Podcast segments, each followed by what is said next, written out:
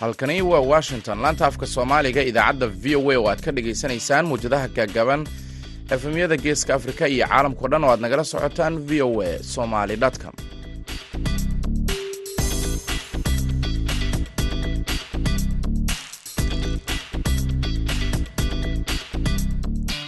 Waa maalin axad ah toddobada bisha agost sanadka labada kun iyo labaiyo labaatanka waxaad idaacadda waxaad dhegaysanaysaan saacadda waa afrikada bari waxay tilmaamaysaa kuwda iyo barka duhurnimo idaacadda duhurnimo ee barnaamijka dhallinyarada maantana. Waxaa idinla soo codsiinaya anigoo ah maxamed bashiir cabdiraxmaan.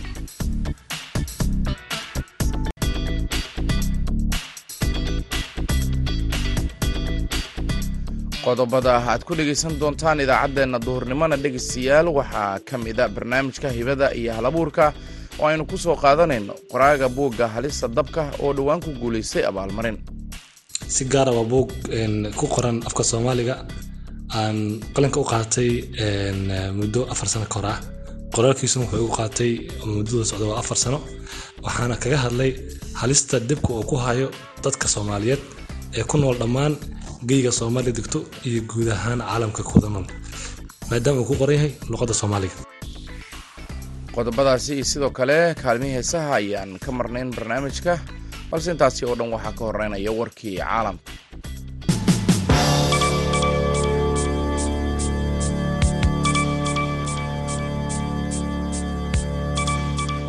Golaha shacabka ee baarlamaanka soomaaliya ayaa axadda maanta ah ansixiyey xubnaha golaha wasiirada ee uu dhowaan magacaabay ra'iisul wasaare xamsi cabdi barre kulan ka dhacay xarunta villa hargeysa ayaa waxaa ka qayb galay ra'iisul wasaare xamsa oo xubnaha golaha shacabka u gudbiyey. Xukuumaddiisa iyo barnaamijka ay ku shaqayn doonto isagoo codka kalsoonidana u weydiiyey xukuumaddiisa. Shirkan uu gudoominayay guddoomiyaha aqalka hoose ee baarlamaanka soomaaliya sheekh aadan maxamed nuur madoobe ayaa waxaa goobjoog ka ahaa saddex laba boqol iyo soddon iyo toddoba xildhibaan iyadoo laba boqol iyo sagaal iyo labaatan ka mid ah ay codka kalsoonida siiyeen xukuumadda waxaana diiday toddoba xildhibaan halka hal xildhibaanna uu ka aamusay ansixinta golaha wasiirada ayaa ku soo aadaysa xili soomaaliya ay ka jirto caqabado waaweyn oo ay ugu daran tahay abaarta saameysay malaayiin qof oo dalka ku nool iyo sidoo kale xili uu sii xumaanayo ammaanka guud ee dalka gaari nuuca noohada ah oo loo lagu soo raray waxyaabaha qarxa ayaa maanta ku qarxay halka loo yaqaano toddobada geed ee magaalada jowhar ee ka soo horjeedka hotel nuurdoob ee magaalada caasimada ah caasimadda u ah maamulka hirshabelle. Goobta ayaa markii la qarxiyey waxaa ku shaahaynayay dad shacab ah waxaana la soo warinayaa in ciidamada ammaanku ay goobta gaareen iyagoo xiray waddada soo gasha halka gaarigu uu ku qarxay. Ilaa saddex qof ayaa la sheegayaa in qaraxan ay ku dhaawacmeen. Dhinaca kalena diyaarad loo malaynayo inay leedahay etoobiya ayaa saaka duqaysay deegaanka qabno oo hoos tagta degmada matabaan ee gobolka hiiraan. Lama soo warin wax khasaare ah oo duqayntaasi ka dhashay iyo cidda lala beegsaday. Warkii dunidana dhegeystayaal waa naga intaa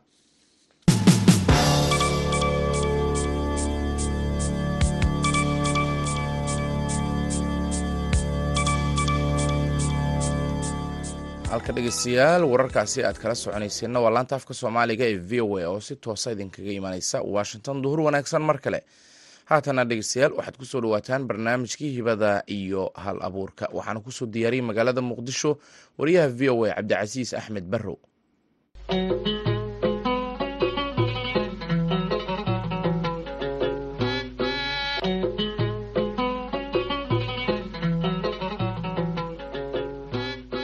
kulanti wacan oo wanaagsan khiyaarta nala socota ku soo dhowaada barnaamijkii hibada iyo hal abuurka oo idinkaga imaanaya laanta afka soomaaliga ee v o eda waxaa toddobaadkan idinla socodsiin doona anigoo cabdilcasiis barrowa waxaanan ku waraysan doonaa maxamed xasan cismaan oo ah bare jaamacadeed sidoo kalena ah qoraar dhallinyaro ah oo qoray buugga lagu magacaabo halista dabka. Buuggiisa dhowaan ayuu ku guulaystay abaalmarin magaalada muqdisho kadib markii dhowr buugaag oo sannadihii ugu dambeeya la qoray qiimeyn lagu sameeyey maxamed xasan cismaan ku soo dhawow barnaamijka hibada iyo halabuurka ee laanta afka soomaaliga ee v o a. Waxaad iiga warantaa buuggaada ku saabsan halista dabka. Waxyaabaha keenay inaad qorto iyo waqtiga uu kugu qaatay qoraalkiisa intaba bismillahi raxmaan raxiim ugu horeyn waa salaamaya bahda v o a. Qaas ahaan programkan la magac iyo hal abuurka. Buugga layirahda halista dabka waa buug ka hadlaya arrimaha bulshada. Si gaara waa buug ku qoran afka soomaaliga. Aan qalinka u qaatay muddo afar sano ka ah. Qoraalkiisuna wuxuu igu qaatay muddada socda waa afar sano. Waxaana kaga hadlay halista dibka uu ku hayo dadka soomaaliyeed ee ku nool dhammaan geyga soomaaliya degto iyo guud ahaan caalamka kuwada nool. Maadaama uu ku qoran yahay luqadda soomaaliga. Waan fahmay buuggan marka waxaad ii sheegtay afar sano qoraalkiisa inuu socday. Waxaad iiga warantaa afartaas sano. Ma xog baad aruurinaysay ma qoraalkaa waqtiga kugu qaatay mase fursadaad u weyday. Bal taana ii faahfaahay afarta sano waxaa gaarsiiyey wax kale maahan cilmi baaris hore looguma sameyn halista dibka uu leeyahay guudahaan soomaaliya maadaama uu yahay buugga sourcigii ama ishii ugu horeysay ee xog noocaas laga heli karo waxay igu qaadatay marka inaan qaybiyo kooshaneer ama xog aruurin qaybiyo dadka inaan wareysto ganacsatada hanti beeshay suuqyada inaan tago inaan tago goobihii bulshada ee dhibka gaaray. Marka xog aruurintii aan aruurinayay ayaa igu qaadatay afar sano. Iyo anigoo kaligii ah oo qofna aysan iga caawinaynin xog aruurinta iyo waqtigaas. Iyo cilmigoo cilmi cusub ah oo soomaaliya hore aan loogu qorin cilmi baaris ahaan marka inahaas oo laisu geeya ayaa afar sano inaan ku diyaariyo oo aan soo gabagabeyo igu qaadatay waxyaabaha marka aad sida goonida ah afarta sano sheekooyinka aad baaraysay cilmi baaristii aad waday buuggaas aad ku soo qorto waxyaabihii kuugu yaabka badnaa aad la kulanto maxaa ka mid ah? Wallahi waxyaabihii ugu yaabka badnaa oo la yaab kale waxay ka mid ah in soomaalida hantidooda in lagu yahay duulaan.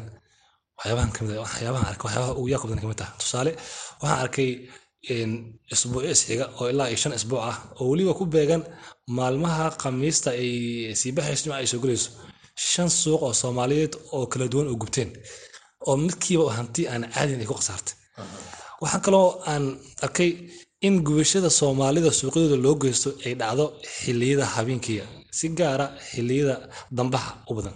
Waa xilligii la rawaxay la joogin. Dabcan sheekooyin badan oo la yaab lana way jiraan oo aan ka ogaaday intaan qoraalka sameynayay oo ugu muhiimsan tahay si gaara guryaha kaleeto waxaa jirto qiso oo ah gabar curus ah oo degan guri ayaa eedisaygeeda jikada waxay ku aragtay barambare yar oo biif ani socoto. Waxay soo qaadatay sunta lagu dila cayaanka loo yaqaano beef after noocaasa waxaa u daarneed gaaskii qayb ka mid a oo cunada lagu kariyo way buufisay. Markay buufisay waxaa meeshii ka dhacay markii isqabsi oo isqabsadeen lbg ga daarnaa iyo waxay buufisay. Gabadhii khataray gashay halkii bay ku dhimatay waa qisooyinka laga diiwaangeliyey aqoonyarida iyo halisahaas dabku uu leeyahay ee aan loo diyaar garowin marka sheekooyin badan oo aad u badan ayaan ka ogaaday intaan wax baarayay waxay ku qoran yihiin buugga. Laakiin kuwa ugu muhiimsan aan soo qaato waa dhacdooyinkan dabka. Waxaa kaloo ka mid a ninety fivekii. Dab baabi'iye suuqa bakaaraha totally ayaa waxaa dhacday in hal nin dukaankiisa uu ka badbaado.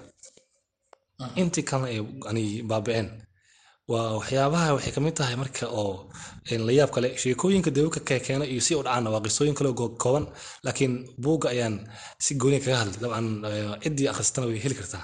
Waa gartay dad fara badana buuggaas weli nasiib u yeelan inay akhriyaan. Xog badan baad ku aruurisay. Afar sano in sheeko keliya la cilmi baaro dhibaatooyinkii dhaqaalaha iyo sababaha dabka laga ogaadana runtii wax dad fara badan oo soomaaliya isweydiin karaan ayay qayb ka tahay. Halisaha dabka keeni karoo kale markii aad ka waranto si dad fara badan oo na dhegaysanaya ay bal arinta xog uga helaan khatarahan ay uga badbaadi karaan maxaa ka mid a walaahi hata halista si guud soomaaliya marka laga hadlaayo waxa ugu daran ee ku sababa waxaa weeyo wacyigooda holiita waxaa soo badanaya aaladaha ku shaqeeya korontada elektroniga ah haddana lama socdaan wacyigii khatartooda lama socoto. Marka dadku haddii markay ogaadaan baraarugaan wacyiga oo la wacyigeliyo loo sheego buuga soomaali ku qorno yariis loo keeno oo xogaha sida gaaska loo isticmaalo sida korontada haddii dhibka yimaado loo maareeyo dabcan dhibku wuu yaraan lahaa. So marka waxaan leeyahay ama aan dareemayaa in halista ugu badan ee dhibku leeyahay ka timaado dayac iyo wacyigelin la'aan. Haddii labadaas marka laga kaaftoomo oo dadku wacyigooda sare loo qaado badqabkooda la xoojiyo oo soomaaliya si guud safetygeeda waaba low waayo. Laakiin safetyga wacyigelin ahaan la soo bilaabo institutional laga sameeyo koorsooyin la bixiyo dadka la tababaro dabcan halisahaasi waa laga bardi karaa inay dhacaan. Weliba qisooyinka ugu dambeeyey waa la socotaan. Abriilkoodeedii suuqii soomaaliya somalilan waaheen oo in ka yar sideed saacadood ay kaga khasaartay laba dhibic laba bilyan oo dollar ay ku gubatay. Iyo dabkii suuqa banaadir oo lacag ka badan toban milyan ay ku khasaartay muddo saddex saac gudaheeda marka khasaaraha dhacayo iyo ismalahan markaa fiiriso dadka wacyigooda wacyiga dadka ayaa hoos jiro. Marka waxay u baahan yihiin inay helaan institutionno waxaas ka wacyigeliya kala taliya dadka ka dhiirigeliya inay isticmaalaan badqabkooda xoojiyaan waa gartay adigoo kale in dhallinyaraa tahay macalin jaamacadeedna waa taba muqdisho ka shaqeeya. Waanu imaan doonaa hibada qoraalkaad u leedahay iyo waxyaabaha kuu suurageliya inaad wax qorto. Laakiin su'aal kale ayaa jirto dad fara badan ay isweydiinayaan. Nin dhallinyaraa tahay dababkii kacaya miyaa saameyn kugu yeeshay? Mase adiga uunbaa goosta inaad cilmi baaris samayso oo buuggan halista dabka aad qorto? Sababta aad nala wadaagi karto maxamedow in buuggan aad qalinka u qaadato kugu qasabta maxay tahay aad mahadsan tahay barow dabcan aad mar dhowr jeerna waan sheegay. Laba kun todoba tobankii bishii febraayo todoba labaatankeedii dibkii ugu xumaa ayaa wuxuu ka dhacay suuqa bakaaraha gaar ahaan suuqa khaliifa waxaa gubatay oo baabaaday kun dukaan laba qofood oo ganacsataan way ku dhinteen. Hantii ka badan bilyanis ayaana ku khasaartay. Dabkaasi iyo saameyntiisii aniga ganacsatamaanaan ahayn laakiin dadka aqoon-yahanada muqdishoan ka mid ahaa. Waxaan qalbigayga aniga dareemay in culays badan inay jiraan oo khatarteeda leh. Dabcan baaritaankayga xooggiisa inta badan waxaan ku sameeyay suuqyada. Dabcan buugga ciwaanadiisa oo kala doonaa. Marka taas iyo kuwa la mid ah ayaa markasta dhiirigelinaya inaan hantida soomaaliyeed wax uun ka badbaadiyo oo naftana badbaadiyo hantina badbaadiyo. Anigoo kaashanayo dadaalkii aqoonta aan ku bixiyey marka sababta waxaa u lahaa musiibooyinkii ka dhacay suuqyada oo soomaalidu aysan si gaar ugu baraarugin ayaa aniga angal kale ka fiirshay oo ah badqabka soomaalida in dhigaal laga sameeyo. La dareensiiyo wixii dhacay waxay yihiin iyo tirada inta khasaarta. Marka bakaaraha sagaashantii ilaa iyo laba kun koo labaatankii inta jeero gubta ayaan buug ku xusan. Oo todoba iyo labaatan jeer ayaa inoo xusan. Suuq kastoo soomaaliyana waan xusay dabcan ciwaan waxaa ku jira dabka iyo suuqyada. Intaas uu gubanayay iyo qisooyinkiisii iyo si u dhaceen iyo sidii loo maariyay waa taariikh iyo sheekooyin aad u baahan in la dhuuxo la fahmo. Soomaaliya meesha ugu weyn resortiga ugu weyn soomaaliya waa bakaaraha dagaalada ku socda iyo baabaa ku socdana waa wax weyn laakiin isbarbardhig lagumana sameyn weli. Marka aad fiiriso marka sida u dhacay iyo khasaaraha ka dhacay iyo sida u dhacay waqtiga u dhacay iyo waxyaabaha keeno intaan baare dabcan waxaan ogaaneynaa oo ganacsada inay fahmaan ugu talagalay. War dhibkaani waa dhib ka socda meel kale oo la soo maleegay laakiin soomaalida aysan weli ku baraarugin waa gartay waa su'aal muhiima taas in la isweydiiyo markii aad fiiriso.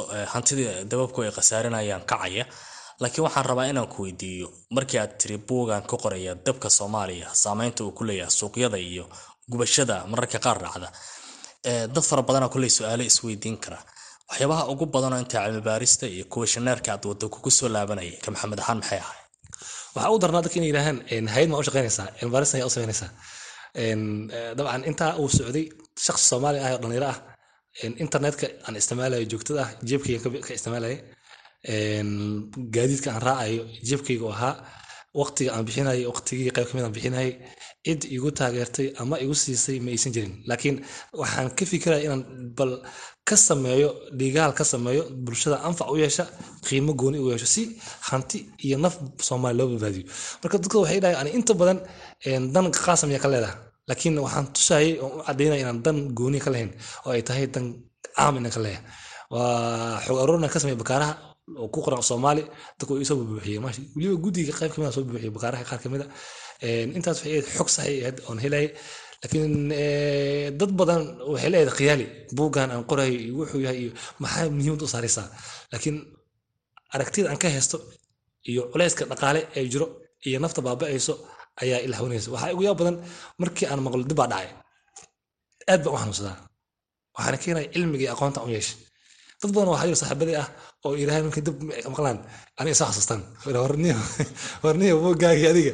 Waan isoo xasuusanay saaxiibkayga buugga marka dadkii attentionkoodii waxaa moodaa marka inuu xaggayga soo jiro markii dabdho inay taqaano saaxiibanahay inay isoo xasuusanayaan. Waxaana keenay cilmigii aan dhex galay baaray bulshada aan soo bandhigay. Waa gartay ma islahayd buuggaada maalin uun saameyn uu yeelan karaa. Waqtigaad gelisay markaad fiiriso ilaan akademiyadii afka soomaaliga ayaa ku abaal marisay. Ma istiri saameyn uu yeelan karaa buuggan walaahi horta wax u weyn oo farxad waxay tahay inaan markaan buugga dhameeyey oon soo guuranaday guud ahaan todoba cutub ka samaysnaa oo cutubka u horreeya oo ahaa debka iyo siyaabahu dhasho in cilmi aan ka bixiyo waxaa jira cutubka labaad aan kaga hadlay debka iyo saameynta ku yeesha goobaha bulshada isbitaalaadkii iskuuladii bangiyadii xaruman dowladdii qeybadii kala duwan iyo cutub kaloo aan kaga hadlay debka iyo suuqyada waxyaabaha isku keena calaaqad ka dhexeeyo inay ku soo laabto iyo ma garanaysaa haddii uu dibka dhaco habkee looga hortegi karaa. Haddii uu dhaco waa dhacay dibka uu dhacay cutubka lixaad waxaan kaga hadlay gurmadka ugu horeya loo samayn karo. Sidee adiga isku badbadi kartaa? Gurigaadoo jifdo ka yimaado goobtaada ka bilowdo. Cutubka ugu dambeya waxaan ku sameeyey waxa la yidhahdo talabixin ku socoto ganacsatada dowladda goobaha waxbarashada sektor kasta ku socoto markaa dhameeyey marka tartan furan oo soomaali ka dhexe ayaan ka qayb galay anigoo markaas tijaabinayo xogtii aan aruuriyey bandhigii aan sameeyey qoraalkii aan sameeyey intuu gaarjiisan yahay inaan ogaada ayaan ugu talagalay. Tartankii wuu adkaa bil ayuu socday tartankaas. Maalintii ugu dambeysay ee bisha janaayo afarteeda ayaa noola yeeray akaademiyada howlkeeda noola yeeray. Marka waa sannadkii? Waa labada kun koo labaatankii ayaan noqday qoraalkii soo gabagabeeyey dabcan waxaa la qiimeynaya marka qoraaga soomaaliya ugu wanaagsan ee koo labaatanka dhigaal qoray intii dhigaale laysu keenay marka qiimeyn ayaa guddi ku sameeyeen ka kooban toban iyo sided qofood sida noo sheegay warbixinta noogu sheegay. Waxaan lagu qiimeynayay kriteria ilaa koo iyo toban qodob ah sida inoo sheegay guddiga wax qiimeynaya natiijadii ugu dambeysay marka waxay noqotay inaan ku galo siddeetan iyo lix dhibic shan oo ku noqdo qofka sidaas ku galay kaalinta koowaad qoraaga ugu wanaagsan soomaaliya. Waxay u ahayd marka guul ummadda soomaaliyeed maadaama aan baaritaan ku sameeyey wax dhib ayay ku ah. Markastana ay aad ula ma garanaysaa culeys kala kulmaan anina farxad ay tahay. Shaqadii afar sano aan soo waday oo miraheeda aan gurtay. Maxaad is leedaha marka? Waa lagugu doortay. Ma dabkaa soomaaliya ku cusub oo wax laga qoray ahayd. Ma cilmi baarista aad waqtiga gelisay ahayd. Ma hibo qoraalood adiga leedahay ahayd. Maxamed haar maxaad is leedahay? Buuggaada uu ugu murtay buugaagtii kale. Walaa horta hibo qoraal way igu abuuran tahay caadiyan waana aadan qoraalka u xiiseeya iyo akhriska. Laakiin waxa aan is leeyahay waa lagugu xushay waxay tahay dhumucda cilmiga ku jira buugga oo aad u weyn iyo mawduuc uu ka hadlayo iyo magaca buugga uu wato dabcan oo ah magac iyo kafarkiisa oo ka turjumayo halista dibka uu leeyahay. Marka ciwaanka aad fahamto dhumucda gudaha ku qoran aad akhriso waxaad ogaanaysaa heerka soomaaliya. Hadda soomaaliya tirikoobyada la sameeyo kaalinta afraad ayaa laga geliya waddamada ugu guushada badan. Dabcan waa dareemi kartaa stirkii kaga jirto waa level hooseba sidoo kaleeto hantida ku khasaarto soomaaliya si khaasa gobolka banaadir dabcan waxaan qiyaasaysaa buug ku qoran oo xogtiis ku qoran ah. Shantii sano ugu dambeysay oo laga bilaabo lix tobankii ilaa iyo koo hantida ku khasaartay hanti oo bilyanisa ku khasaartay. Dabcan intaas ma ogo ma isla socdaan laakiin marka loo soo koobo waxbay ogaanayaan. Waxaan marka waxa lagu doortay kow buugga oo muhiim ah oo ku socda xilli muhiim ah xilli loo baahnaa. Labo cilmiga buug ku qoran oo ah buug guriga xafiiska waxbarashada ganacsiga goob kaste u baahan in laga helo oo dadka anfacaya saddex waqtiga aan buugga geliyey oo ah waqti aad u dheer oo markii qobaradu ay fiirsheen ay u arkeen inuu yahay buuggan buug waqti la soo geliyey inuu yahay. Dabcan saddexda qodob isle waa lagu doortay waa arrin kale oo runtii mudnaanteeda le markaad fiiriso. Waxaad ii sheegtay inaad hibo qoraal leedahay oo qoraalka aad jeceshahay. In wax la qoraahi ma wax sahlan oo qofku isku abuuri karaa ama uu u bareeri karaa mase waa hibo qofka gudihiisa ka imaanaysa oo qasbaysa inuu wax qoro. Maxaad is leedahay maxamed ali wallaahi horta in wax la qoro waxaa ka horeysa in wax la aqriyo. Dabcan markii wax la aqriyo ayaa qofka qoraalku jeclaana marka horta hibadeeda akhriska ayaan ma garanaysaa aad u dhisay. Hiwaayadaasna waan lahaa. Tia marka waxaa ka soo dhawada inaan noqdo qof wax qora oo mawduuc ma bulshada dhib u arkaan inaan dhaqaajiyo go'aansade. Haddana sidoo kaleeto qoraallo kale waxaan soo wadaa dhigaalo kaleeto oo sanadkan rabo inaan soo bandhigo insha allah. So waxaan is leeyahay marka waxa ugu muhiimsan oo qofka ku dhiirigeli kara inuu qoro waxaa ka horeyso inuu noqdo akhriste wanaagsan oo buuga badan akhriyo. Markaad labaatan buug akhriso bishii aad laba buug akhriso sanadkaasi aad akhriso laba toban lagu dhufto labo waa afar labaatan buug marka afar labaatan buug akhriso sanadkaas ee kan xigta akhriso intii oo kale makasii labajibaarkeeda waxaad noqon kartaa qof markaasi xog badan haya kadibna samayn kara naqan kara qoraa marka in la noqdo qoraa waxaa ka horeyso in la noqdo akhriste taasaa ka wanaagsan. Waa gartay caqabadihii ugu badnaa ee aad kala kulanto inaad wax qorto. Tusaaloo kale bulshada markii aad arkaan dad wax qoraya oo dhallinyaro ah waxa ugu badanoo la isweydiinaya waxaa qofkan uu da-yar yahay hadduu waxbarashadii inteedii badnayd oo soo bogay khibrad badan ma jirto sidee wax ku qori karaa? Dad fara badanaa su'aalahaas keena markay su'aalaha noocaas ku yimaadaan maxaad uga jawaabtaa? Wallaahi waxaan ugu jawaabaa dadka caadiyan aan soomaalideena waxay aaminsan yihiin aragti ah. Soomaalidu wax ma qorto ee way sheekaysaa waa bulsho afka hadasha hadda dhallinyarada aqoonyahanka haddii aaminaan bulsho afka hadasha duqoodii ay aaminsan yihiin waxay noqon doontaa wadan ka hara adduunya ka hara noqon doonaa si marka aysan u dhicin waxaan ku dhiirigelinaa dadku way kuleeyihiin soomaalida wax ma akhrisan wax qoraysaa laakiin aniga hadafkeenu soomaalida maanta ma aha. Hadafkeenu inagu waa soomaalida berito waxaan qorayno wixii la qoraa qoruma hare wuxuu hadal qiimo leeyahay. Waxay ahayd hadal baxay marka ma ahan waxaan ka fikirayno dadka maanta jooga oo da-da ah ee sheekada iyo farqdararka aaminsan ah. Waxaan ka fikiraynaa bulsho soomaaliyeed oo taariikha akhrisata. Macno samaysa inay imaan doonto berito oo jecel hiwaayada akhriska. Taa baan u diyaarana anaga aad ayaad u mahadsan tahay kaasi waxa uu ahaa maxamed xasan cismaan oo ah macalin wax ka dhigay jaamacadda imaamu shaafici ee magaalada muqdisho. Sidoo kalena ah qoraaga buugga halistii dabka oo dhowaan magaalada muqdisho ku guuleystay buuggii ugu wanaagsanaa ee la qoro sannadkii ka islamarkaana lagu abaalmariyey. Wuxuu marti ku ahaa barnaamijka hibada iyo halabuurka ee laanta afka soomaaliga ee v o a. Anigoo cabdilcasiis barrow ayaa idila socodsiinaya tan iyo kulanti dambe nabadgelyo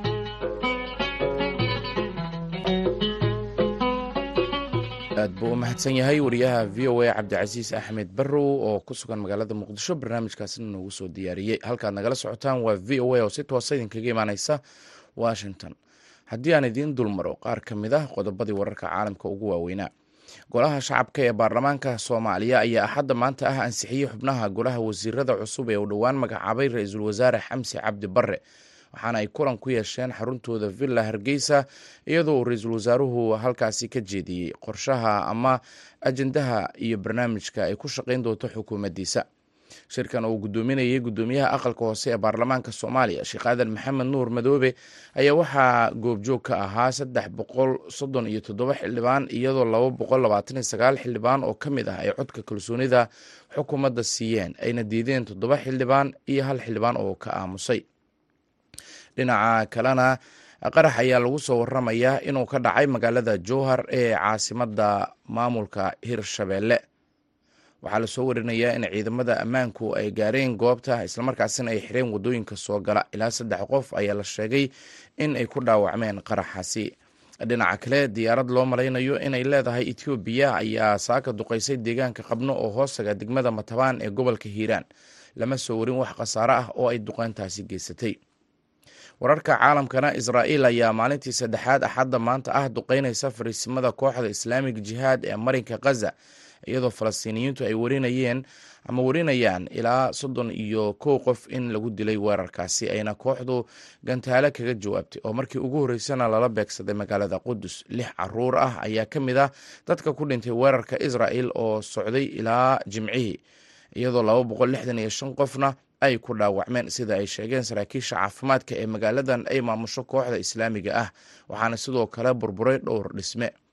Dagaalka ayaa ah kii ugu xumaatan iyo sannadkii hore oo uu dagaalku baabi'iyey magaaladan oo ay ku nool yihiin laba dhibic saddex milyan oo qof oo falastiiniyiin ah. Israa'el ayaa sii xoojisay duqeymaha iyo weerarada gantaalaha ah ee lala beegsanayo fariisimada kooxda islaamig jihaad oo ah koox ay iiraan taageerto oo dhowr dal oo reer galbeed ahna u aqoonsan yihiin urur argagixiso.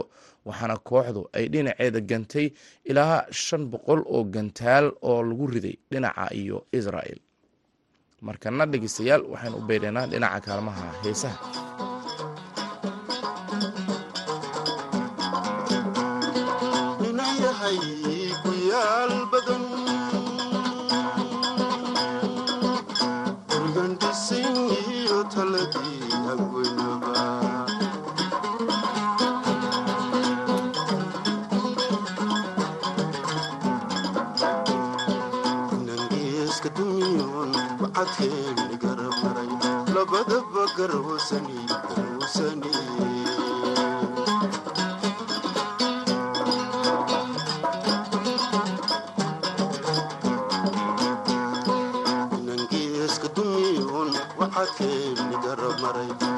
dabba garhoosani garhoosani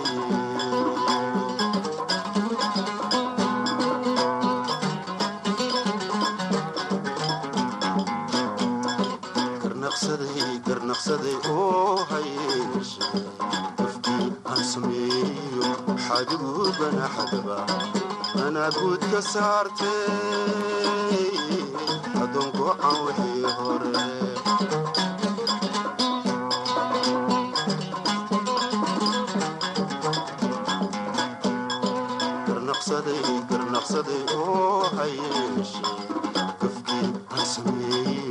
waxaad ugu ganaxdaba tanaaguud ka saartay adoonku cawxii hore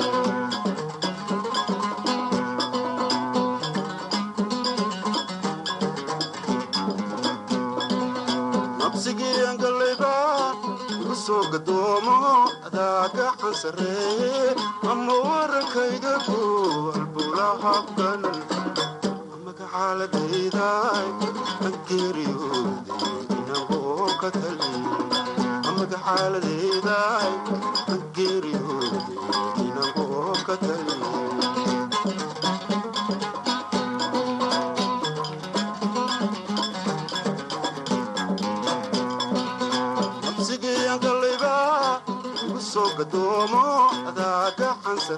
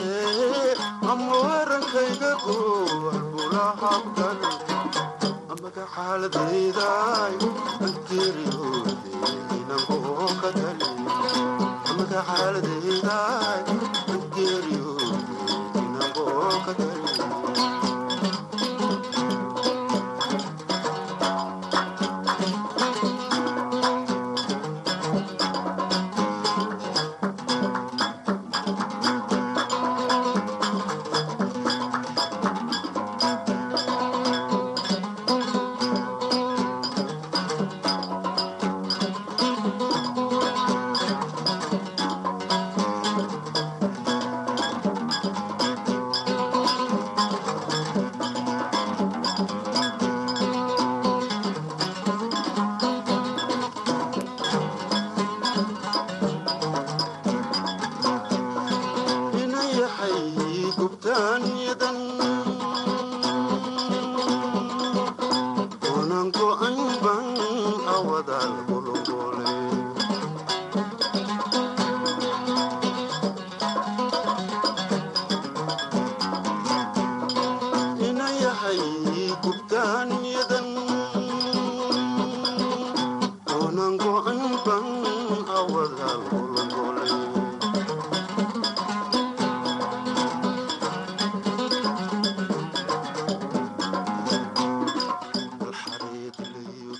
si allaha u naxariistay yaasiin axmed digfer wuxuu gabagabo u yahay idaacaddii duhurnimo ee barnaamijka dhallinyarada. Maanta dhammaanteenba waxaan idin leenahay nabadgelyo